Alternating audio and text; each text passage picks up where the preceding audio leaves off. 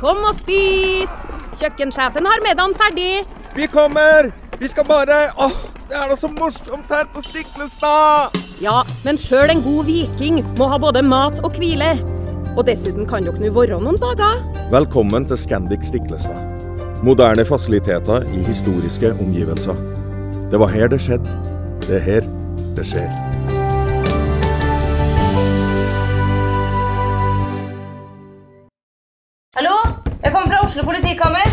Ine Jansen er purk. Er du purk? The motherfucking bitch. Alt jeg vil, er å finne ut hva som skjedde med mannen min. Jon Carew. Er jeg sikta for noe? Iben Akeli. Det er du.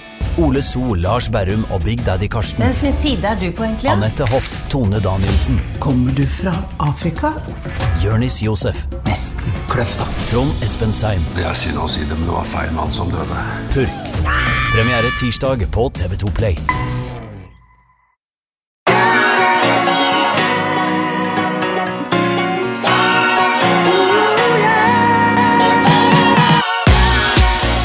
Velkommen til en ny episode av eh, Jernsterk. Eh, Ole Petter, eh, takk for eh, at du inviterte meg hjem i din stue. Veldig hyggelig å være her med sola som skinner utenfor. Eh, Det er jo, eh, I dag så er det altså 18. august når vi spiller inn denne podkasten. Og det som er, nå er det mye som er aktuelt, da. Men én ting som er særlig aktuelt, er at skolene er i gang igjen. Eh, Og studentene er på plass. Og det har jo vært litt i mediebildet dette med fadderuker og covid-19 osv. Men eh, du er jo, du er jo eh, foreleser, Ole Petter. Eh, og jeg tenker jo det er jo heldige som har deg som foreleser, for det må jo være veldig morsomt å høre på deg snakke om, om det du snakker om. Du har jo egentlig undervist ganske mye. Det er sånn dette begynte i forhold til foredragene dine og det engasjementet du har for folkehelse, blant annet. Er det ikke det? Jo, det er vel eh, kanskje det jeg har drevet aller mest med i mitt voksne liv. Det er å undervise. Jeg har begynt å undervise på slutten av 90-tallet på Universitetet i Oslo, og har vel, tror jeg, undervist 56 000 timer for eh, studenter i forskjellige fag. Så det er noe av det jeg har brent aller mest for, og det var jo egentlig sånn den foredragsvirksomheten min startet. Jeg var med i en en sånn formidlingskonkurranse i 2016 hvor jeg endte opp med å nå høyt opp, og, og da fikk jeg en del forespørsler om foredrag og bokkontrakt. Og. Så det er liksom, det, akkurat den forelesningsbiten og formidlingen for studenter, den, eh, det har vært en sånn rød tråd i veldig mange år. Men nå er du i gang. Hvem er det du underviser? Jeg regner med det har noe med helse å gjøre? Ja, nei, altså jeg underviser for alle som har lyst til å høre på, jeg. Nei, eh, sånn, eh, akkurat nå så har jeg en stilling oppe på Universitetet i Sørøst-Norge, rett oppe i ikke så langt unna der jeg bor, hvor jeg eh, underviser helsefag for bachelorstudenter og masterstudenter. Anatomi og fysiologi, sykdomslære, kommunikasjon, farmakologi. Mm. Veldig mye forskjellig. Nå som eh, studiene er i gang, eh, jeg var litt inne på det, studier er jo ofte forbundet med det glade liv. Når man er student, man er jo ung ikke sant? og har livet foran seg. Nå er det jo en del eldre også som, som har begynt å studere som en del av omskolering. Eh, Det, aldri, det er vel lenge siden det har vært så høye søkertall på, på universiteter og høyskoler som det er akkurat nå, pga. at det er tøffe tider. og Da må folk eh, omskolere seg. Men når du snakker til studentene eh, Det jeg var inne på, det var et, det søte liv. eh, Man skal studere. Mange er pressa på tid. De jobber, de studerer. Noen har til og med familie osv. Gir du dem noen råd i forhold til det å være god student? Ja, jeg gjør det. for det er selvfølgelig Hovedfokuset på, på en høyskole og et universitet er jo å formidle det faglige. Og så tror jeg kanskje at en ting som er litt undervurdert, er alt det som er rundt. da. For å, å ha det bra som student og prestere som student, og det ønsker man jo selvfølgelig, så, så er det en totalpakke. Og Det handler ikke bare om å komme på forelesning og, og høre på det foreleseren sier, men prøve å sette det litt i et litt større bilde. da, og Egen helse, hvordan man har det, hvordan man studerer best mulig for å få best mulig og mest mulig kunnskap. Så jeg snakker veldig mye om det. Liksom studieteknikk og hvordan du forholder deg til faget ditt. Og en del tips om hvordan du kan eh, prøve å optimalisere det. da. Ja, Det å ha det bra som student er ganske viktig, for hvis ikke så er det jo vanskelig å konsentrere seg.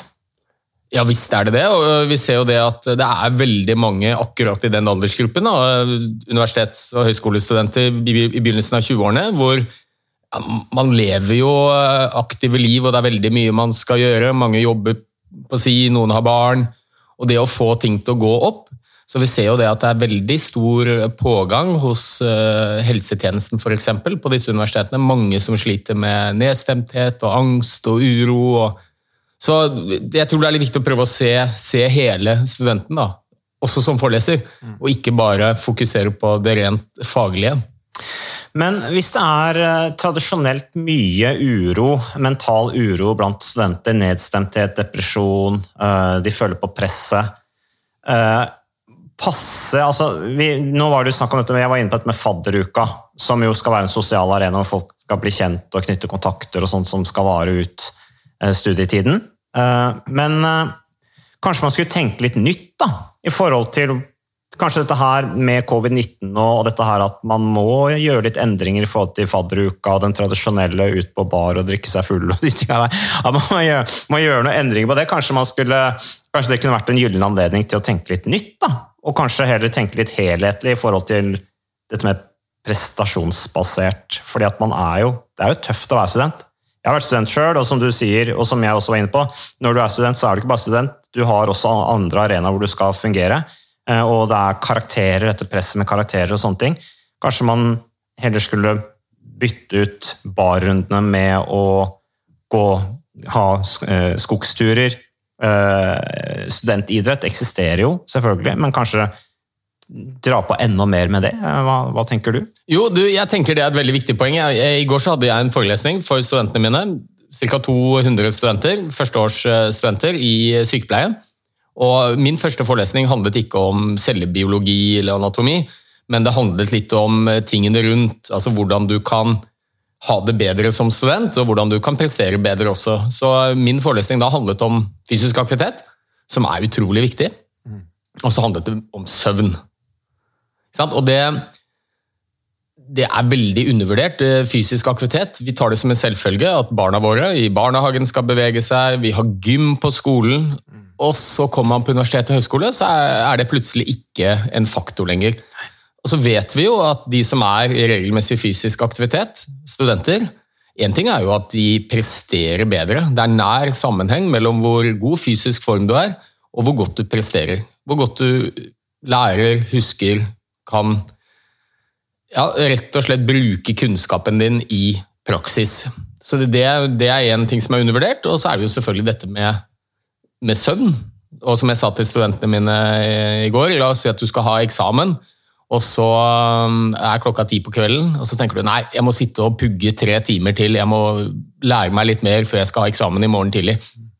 Så vil du sannsynligvis gjøre det langt bedre på eksamen om du heller fikk tre timer ekstra søvn mm. enn å sitte tre timer og pugge.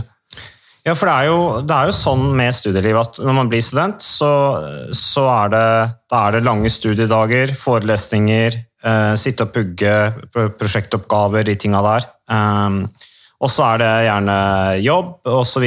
Og så Når jeg liksom tenker på studielivet, så tenker jeg på at det er, det er ganske inaktivt, da, sånn som jeg tenker på det, og sånn som jeg kjenner eh, tidligere i hvert fall kjente en del studenter. at de, de, de går opp i vekt, de blir i dårligere form. Uh, og i forhold til dette med hva gjør den altså, Vi har vært inne på dette med tidligere på podkasten hva fysisk aktivitet gjør for barn og konsentrasjonsevne, men det er jo akkurat det samme som gjelder for studenter i ja, sin beste alder. Ja, absolutt. Og det er jo veldig stor forskjell også. Jeg underviser jo mest helsefag, og, og det er jo en gruppe som uh, naturlig nok kanskje er mer opptatt av helse enn den generelle befolkningen. Men det er vanvittig stor forskjell på aktivitetsnivået i hvis du ser på forskjellige studieretninger. da. Altså, helsefag er jo den gruppen som kanskje er i mest aktivitet, men allikevel så er det en veldig stor andel der også som er inaktive. Så um, jeg fortalte studentene mine i går om noen forsøk som vi har gjort, og som er godt dokumentert også, som viser litt hvilken effekt dette med fysisk aktivitet kan ha på deg som student. Og jeg pleier å si at det er litt sånn tretrinnsrakett. Det ene er jo å forberede hjernen din for læring. Og Da er jo oppmerksomhet helt sentralt. Og Da er det veldig godt dokumentert at hvis du beveger deg litt før du skal inn og lære noe, så har du bedre oppmerksomhet. med ganske lang varighet, opp, opptil flere timer. Hvorfor det? Jo, det er jo fordi at når vi begynner å bevege oss, så skilles ut en rekke kjemiske stoffer i hjernen, og de øker oppmerksomheten vår. Adrenalin, noradrenalin, noe som heter dopamin. Og det her gjorde vi et forsøk hvor vi tok en gruppe med, med elever i, i, skolen og delte de to grupper. Det var 15 stykker i hver gruppe. Delte de den ved loddtrekning. Så skulle 15 av de være ute og leke i 15 minutter. De andre 15 skulle sitte inne og lese en bok. Og den leken ute den var egenstyrt. De løp rundt og lekte Boksen går og litt forskjellige øvelser og leker. Og Så kalte vi de inn i klasserommet og så ga vi de en sånn standardisert oppmerksomhetstest. Og Da viste det seg at De som hadde vært ute og beveget seg litt, de skåret rundt 30% bedre enn de som hadde sittet inne og vært i ro. Og Så fikk de en prøve etterpå, en vanlig norskprøve og en matteprøve. Og Da så vi det akkurat det samme. De som hadde beveget seg litt i forkant, de husket mer av det de hadde hørt i timen, og skåret bedre på testen. Så det, det, er det jeg pleier å si til eh, studentene også. at Sett hjernen din i, eh, i høygir, sånn at du er klar for læring. Og det er veldig lite som skal til. Noen studier viser at bare fire-fem minutters hurtig gange gjør at du har bedre oppmerksomhet inntil en time etterpå. Mm. Så gå til skolen, sykle til skolen, universitetet. Ganske enkle greier. Så er, det er veldig inn i tiden, da, å bruke kroppen som transportmiddel? Ja, bruk kroppen som transportmiddel. Gå i trapper. Altså det, er, det, er, lite som skal til. Mm. Det er det ene. Og så handler det litt om selve læringen, og, og der vet vi veldig godt at uh, det å være i bevegelse mens du lærer, det kan øke læringen. Sannsynligvis av den enkle grunn at når du reiser deg, begynner å bevege deg, så øker blodsirkulasjonen til hjernen. Mm. Mer oksygen til de nervecellene du trenger for å lære. Og, og, nå er det jo ikke sånn at uh, de fleste forelesere tar med seg studentene ut på tur mens de holder forelesning, men um, vi vet f.eks. når du skal lese, øve altså Bare det å stå versus det å sitte gjør at blodsirkulasjonen til hjernen øker. Så stå og lese Veldig mange forelesninger i dag kommer jo De er jo tatt opp, ikke sant? så du kan få det på, en, på øret etterpå. Så du Går deg en tur, sykle deg en rolig tur mens du hører på fag. Da lærer du bedre. Du, et, plutselig nå kom jeg på å tenke på en, sånn, tilbake til gamle dager, når jeg gikk på barneskolen i Vikersund, i Monum kommune. Da husker jeg det var en lærer som kjørte hode, skulder, kne og tå før vi begynte undervisninga. Det tror jeg kanskje er litt borte men det er jo litt sånn som du sier, bare det å reise seg bare kjøre en helt sånn enkel øvelse, det, det gjør jo noe med trøtte, slitne elever som sitter der litt sånn henslengt på, på, på, pulten sin og kanskje lurer litt på om de skal sjekke mobilen på, på, Facebook, eller om de skal faktisk følge med på undervisningen. Eh, de er litt distrahert. Det gjør jo noe med fokuset, bare en sånn liten øvelse. Ja, det er veldig lite som skal til, men det er undervurdert. altså Det er nesten borte. Eh, Iallfall på høyskole- og universitetsnivå. Jeg tror knapt jeg har møtt noen jeg, forelesere som har hatt det som fokus i det hele tatt. For å bedre læringen til eh, studentene. Og, og så sa jeg vel at det var en sånn tretrinnsrakett. Og Det ene er jo å bevege seg litt før du skal lære. Og gjerne bevege deg mens du lærer også. Jeg, jeg holder veldig mye foredrag og skal prøve å huske disse foredragene uten å ha noe manus. Mm. Og, og, da merker jeg veldig godt at det å, å, ta seg en rolig sykkeltur, så øver jeg. Og da, jeg jo, da må jeg passe på, da må jeg være inne i skauen for meg selv, altså, for da sykler jeg mens jeg snakker høyt. Mm. Prøver å huske foredraget mitt. Mm. Og, Visualiserer. Ja, og da merker jeg at da sitter det på en helt annen måte etterpå enn om jeg hadde sittet bak en pult og prøvd å øve. Mm. Men igjen, hvis du trener for, veldig hardt, da, så har det motsatt effekt. Skal jeg gå ut og sykle intervall for eksempel, eller virkelig bli sliten, så husker jeg jo ingenting. For da er det en så stor del av hjernen som opptas av selve fysisk aktiviteten. Mm. Så skal du være i aktivitet mens du lærer, så bør det ikke være for høy intensitet. Nei. Men for å være oppmerksom, altså hvis du, hvis du bare skal hvis du ikke, jeg, jeg, husker min far sa til meg han, han, var veldig god avgangselev. Han gikk på det som nå er BI, som, som ung. Uh, og han sa til meg når jeg drev og studerte og jobba, og sånne ting, han, og jeg hadde jo lyst til å trene ved siden av for å holde meg litt i form, men det var jo tøft. Så sa han ok, da bruker du når, du går, når du drar ut og løper og sykler, så repeterer du det du har lest. For da på en måte uh, da, da, da, bruker du jo tida godt. Og det var en teknikk som jeg, jeg, jeg lytta til det rådet, og brukte teknikk at når jeg var ute og løp eller sykla, så repeterte jeg det jeg hadde lest. Jeg leste først, og så ut og repetere. Og det, det var en veldig bra eh, måte å lære på, syns jeg. Eh, men hvis du skal bare eh, Og da må du ikke kjøre for hardt. For da, som du sier, da konsentrerer du deg veldig mye om intensiteten, og du har det vondt, eh, det svir i beina og sånne ting. Eh, men hvis du skal bare eh, for å liksom Eh, du skal på en forelesning, da, eh, og så tar du en morgenøkt, så kan det være greit å kjøre på med litt melkesyre og litt trøkk. Ja, du blir jo mer våken. Ja, eh, altså Her er det gjort ganske mange studier, og resultatene spriker nok litt. Men det vi vet helt sikkert er at det å være i bevegelse før du skal lære, det er bra. Og Så kan man jo diskutere litt akkurat hvor høy intensitet det skal være. Men akkurat før du skal lære noe, så, så er det nok også helt greit å ha litt intensitet på det. Men det er nok ikke lurt rett før du skal inn og ha eksamen eksempel, å kjøre en øks så du går helt i kjelleren.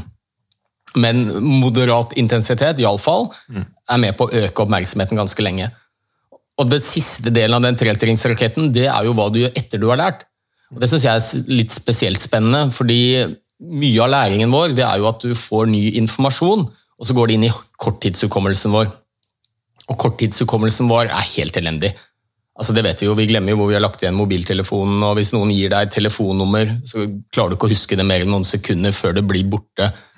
Og så er jo Litt av utfordringen å ta det vi har lært, som sitter i korttidsminnet vårt, som er dårlig, og flytte det over til langtidsminnet, som er helt ubegrenset. Altså det er jo helt fantastisk hos mennesker. Mm. Og Det forklarer hvorfor du kan glemme hvor du har lagt igjen mobilen, men du kan huske detalj... Det Ukas annonsør det er uh, HelloFresh. Og uh, hvis du nå går inn på hellofresh.no og bruker koden 'fresh hjerne', så kan du få opptil 1779 kroner rabatt på da de fem første matkassene dine hvis du ikke har prøvd HelloFresh enda.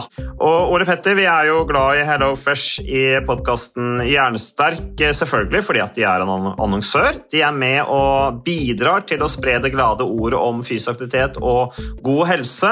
Men i tillegg så har jo vi også nå lang erfaring med Hello Fresh eh, selv.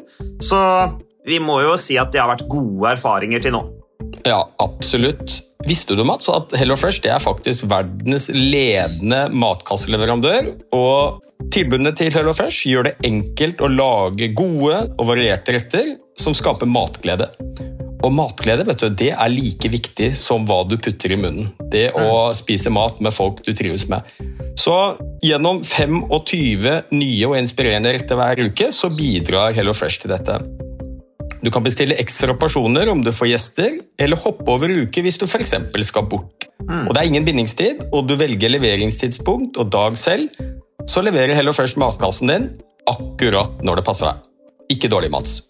Nei, det er veldig bra. Så, eh, og dette er med enklere hverdag, det kan jeg nå skrive under på. For nå, forrige erfaring vi hadde forrige uke, Ole Petter, det syns jeg var Det var jo et gjennombrudd eh, for familien Kaggestad. For da lagde rett og slett barna de lagde middag og serverte middagen, så den var ferdig laget og servert da når eh, min kone Marita og meg kom hjem fra jobb. Og jeg mener Det var jo bare helt utrolig. Eh, det var helt fantastisk. Det ble en nydelig middag. Riktignok de, de, de, de roter og søler litt, det gjør de. Så, men, men, maten ble veldig god. De var veldig stolte over å kunne å ha både laget og servert maten, så det var helt fantastisk. Så vi har jo da i det siste så har vi eh, spist eh, bl.a. sitron- og dillstekt hyse med ovnsbakte grønnsaker og aioli. Eh, vi har spist middelhavsinspirert kylling. Taco, så finnes det mange ulike typer taco, f.eks. vietnamesisk taco, som vi har spist. Thailandsk vegetargryte. Veldig riktig og sunt uh, i dagens uh, samfunn med, med, fokus på bærekraft. Hvitløk og chilistekte reker i spagetti, det var definitivt en vinner. Så det er så flott. Du får rimelig mat ved at du kun betaler for det du trenger, så det blir ordentlig feststemning med Hello Fresh. Det gjør det, og nå er det bare for deg å gå inn på hellofresh.no og bruk koden 'fresh hjerne'. Da får du opptil 1779 kroner rabatt på de første fem matkassene dine hvis du ikke allerede har prøvd HelloFresh. Du kan også bruke rabattkoden hvis du har stoppet abonnementet ditt for tolv måneder siden eller mer. Er det noe å lure på? Håper maten smaker godt. Bon appétit! Noe som skjedde på en tur i barndommen for 30 år siden. Så det er litt av nøkkelen i læring. Flytte data, det du har lært, fra korttidshukommelse til langtidshukommelse. Og med litt enkelt begrep så kaller vi det konso, eller litt enkel forklaring, det kalles hukommelseskonsolidering. Altså flytting fra korttidsminne til langtidsminne. Og Der ser vi at hvis du er i fysisk aktivitet, og gjerne har aktivitet også, kort tid etter du har lært noe, så kan vi øke overflytningshastigheten fra korttidsminne til langtidsminne. Hmm. Altså Vi husker det bedre. Så Det er et viktig grep for å få da dataene over til der hvor du sitter, i langtidsminnet. Hmm. Og Det er for øvrig noe av det samme som skjer ved søvn. En av grunnene til at søvn er så viktig. Mens vi sover, så flytter vi også det vi har lært, fra korttidsminne til langtidsminne, sånn at det sitter. Hmm. En annen ting eh, som student, da, hvis du kommer inn i studenttilværelsen og Jeg husker når jeg gikk på BI, det begynner å bli en, en, del år siden nå, så jeg tror det er noe av det trøtteste miljøet jeg egentlig har vært i. Altså. Folk var så trøtte og slitne, uh, og de satt der, og det må ha vært sånn passe inspirerende å være foreleser, tenker jeg. Uh, fordi folk satt jo helt sånn åpenbart og fulgte sånn passe godt med. Men, men vi hadde en foreleser som, når vi var litt mindre klasserom, det ble litt mer sånn personlig, og han merka at vi var litt trøtt, så husker jeg vi hadde, vi hadde en gjesteforeleser en gang. Han kom inn der, og så merka han at vi var litt trøtte. Og så Før han satte i gang undervisningen, så gjorde han en morsom øvelse. Han sendte én av elevene ut på gangen, eh, og så sa han ok, når vi slipper inn han her nå, så skal vi behandle han som om han var Elvis Presley. da og vi var fanatiske fans. Det var, jo, det, var jo, lek, men det var morsomt. Men da, ble det på en måte, da måtte jo alle reise seg opp. og alle liksom, Når han kom inn, og det ble sånn sjokkarta tilstand med han stakkaren, stakkars medeleven som da kom inn i dette rommet og ble liksom tatt imot som Elvis Presley. Da. Men Det var litt morsomt, men det er jo sånne små teknikker da, som man kan gjøre. Men en annen ting jeg var inne på, det var dette med Hvis man kommer inn i studenttilværelse og vi har vært inne på det, ikke sant? Eh, behovet for fysisk aktivitet som barn i barnehagen. Da bygger du dette grunnlaget, motorikken, alt dette her, som jo også har voldsomt uh, god effekt på, det mentale. Og så har du barneskolen med gym. Det er opplagt et behov for enda mer fysisk aktivitet i skolen. Det samme med ungdomsskolen. Der er det fremdeles satt i et visst system med gym på skolen. Så kommer du i videregående. Der er det vel Jeg vet ikke om det er gym i videregående? Plutselig er det slutt, og så er det studietilværelsen da er det jo heller ikke noe. så Studier, altså universitetene og sånn, de det minner meg litt om næringslivet. I næringslivet og arbeidslivet så har du bedriftsidrettslag, eh, og det har du det samme i, i studietilværelsen. Da har du på en måte eh, studentidrettslag. Men det er liksom for de som er spesielt interessert. Det er ikke satt i system.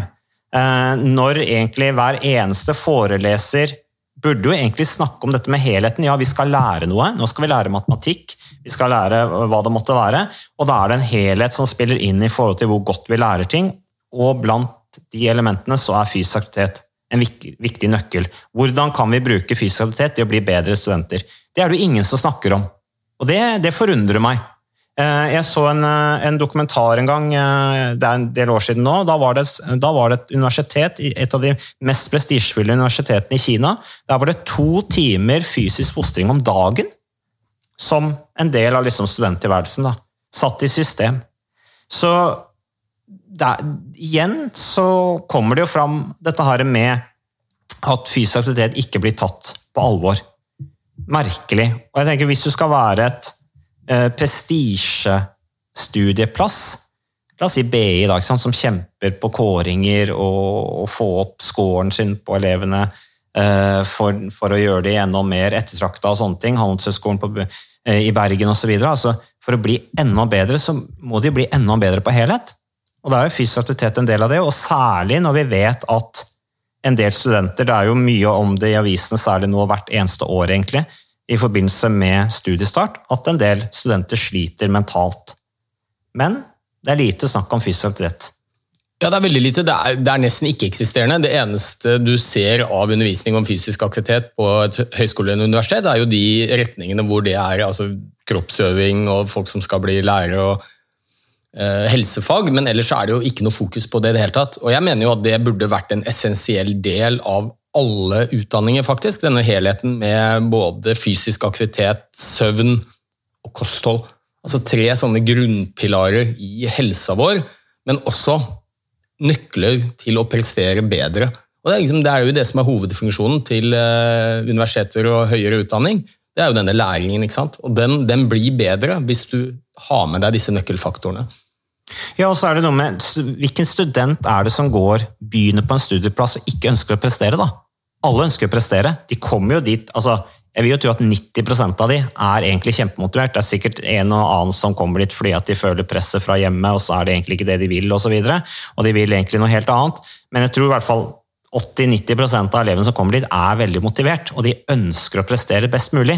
Så Sånn sett så er de jo mottakelige for nettopp og hvis du, du, da skaper en kultur da, rundt studieplassene hvor fysisk aktivitet også er en del av helheten, så burde det jo være en del som kanskje blir tent til å benytte seg av det, og kanskje også i løpet av studietiden får en aha-opplevelse i forhold til egen mental helse og egen fysisk form, og hvordan alt henger sammen, tenker jeg. At studieplassen nettopp er et egnet sted for å stimulere til god folkehelse og lære opp elevene til hvordan de skal ta vare på seg selv også i et fremtidig perspektiv, i et prestasjonsperspektiv. da.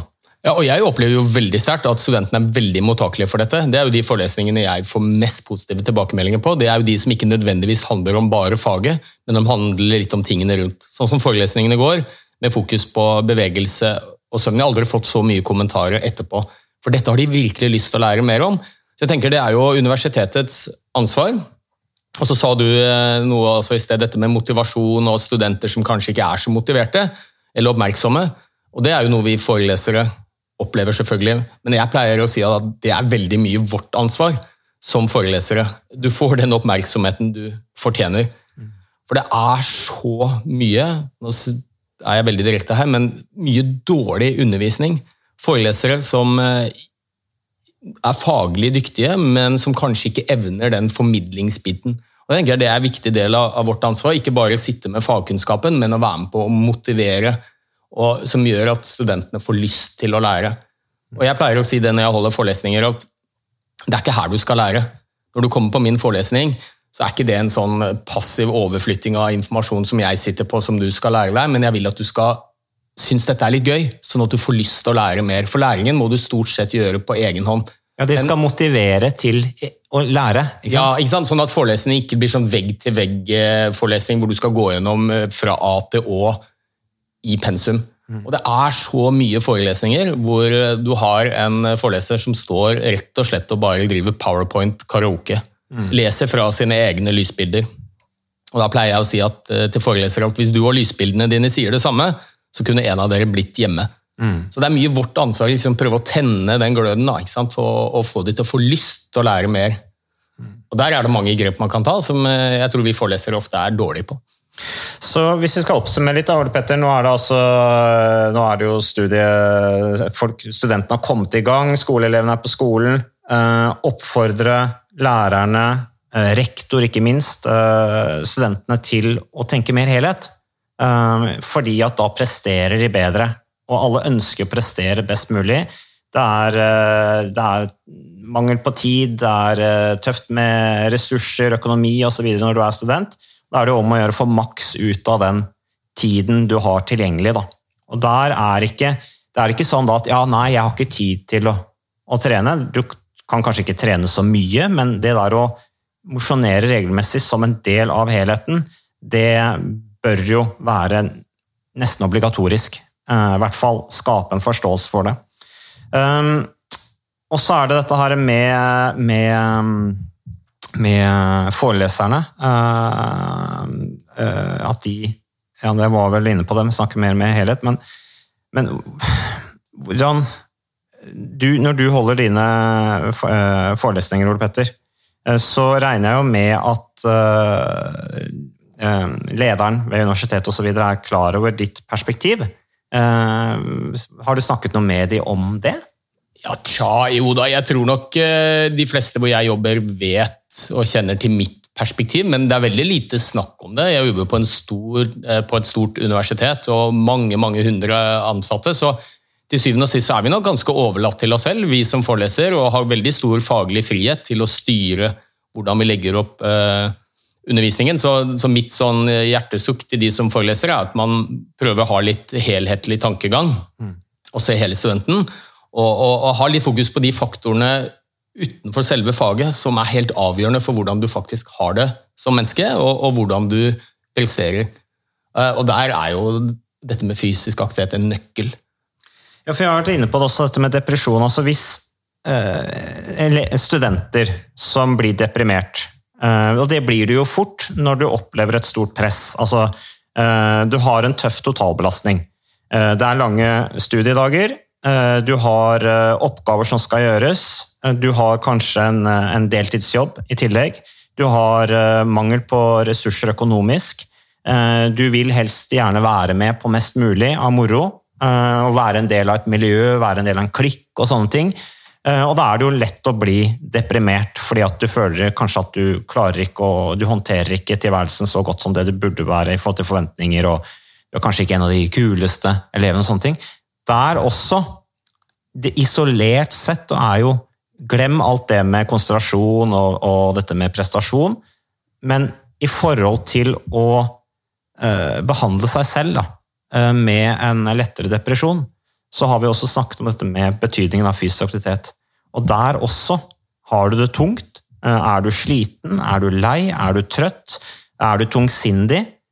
Fysisk aktivitet er med, er med og lindrer.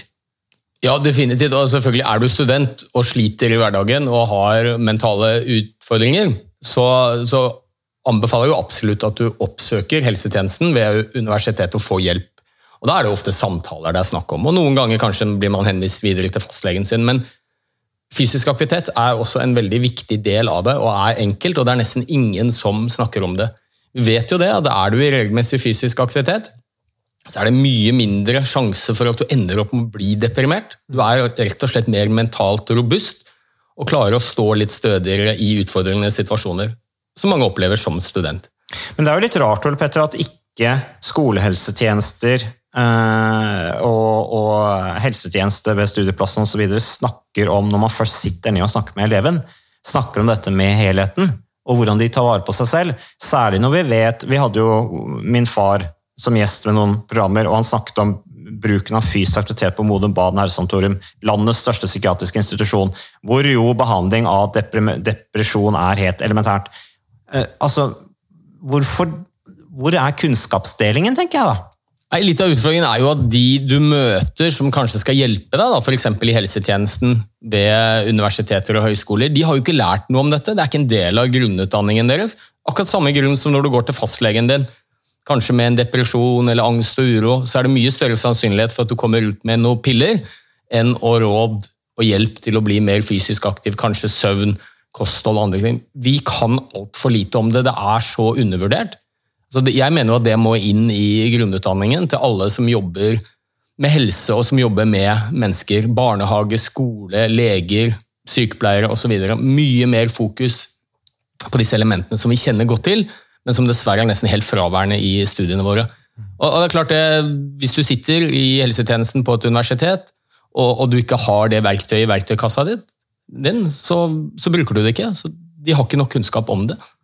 Og, og, det som er litt ironisk, er jo dette er jo så godt dokumentert. Bedre dokumentert enn mye, mange av de andre behandlingene vi bruker, f.eks. en del legemidler. Nei, det er eh, Vi fortsetter å, eh, å forundres over at ikke fysisk aktivitet brukes mer i et eh, helhetlig perspektiv. Og som sagt, nå som studien er i gang, studentene er på plass, de er kjempemotivert, ta vare på dere sjøl. Dra ut og driv fysisk aktivitet, også et sosialt eh, perspektiv, tenker jeg. Som jeg var litt inne på nå med fadderuke og sånne ting. Og så bli enige med medstudentene dine om, eh, om, å bruke fysisk aktivitet som en arena til å være sammen. For da blir man jo også veldig godt kjent. Og Det trenger jo ikke nødvendigvis være at man skal drive og ta livet av hverandre med intervalltrening. og sånt. Bare gå ut og gå turer, sykle turer, ha det hyggelig. Eh, sykle til hyggelige steder og bade i vann og sånne ting. Fantastisk. Du, det kan være noe så enkelt som en walk and talk session, altså en kollokviegruppe, istedenfor å sette dere ned ved et bord i kantina. Gå en tur, prat sammen. Jeg tror du vil oppleve at du får mye mer effektiv læring av det. Og så er det det sosiale aspektet også, som er utrolig viktig for å ha det bra som student. Og Har du det bra som student og har god helse, så lærer du bedre også. Veldig lurt det du sa der om kollokviegruppa. Altså hvis man sitter ned, jobber hardt i gruppeoppgave eksempel, og så sier du ok, øh, hver annen time eller noe, så skal vi gå en halvtime, litt raskt tempo, og så snakke om det vi har jobba med. Få litt luft, få litt avveksling, få opp blodsirkulasjonen med alle de gevinster det skaper. Så skal vi la det være siste ord, Ole Petter? Eller er det noe du vil legge til? Nei, du, jeg tror det er fint. Jeg tror jeg har fått sagt det jeg ville. Ja, Så da ønsker vi alle studentene lykke til eh, med studiestarten.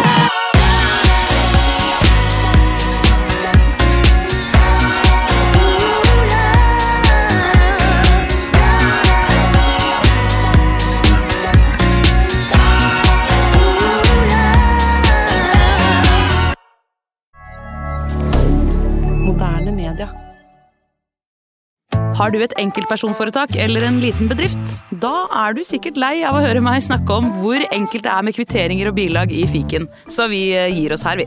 Fordi vi liker enkelt. Fiken superenkelt regnskap.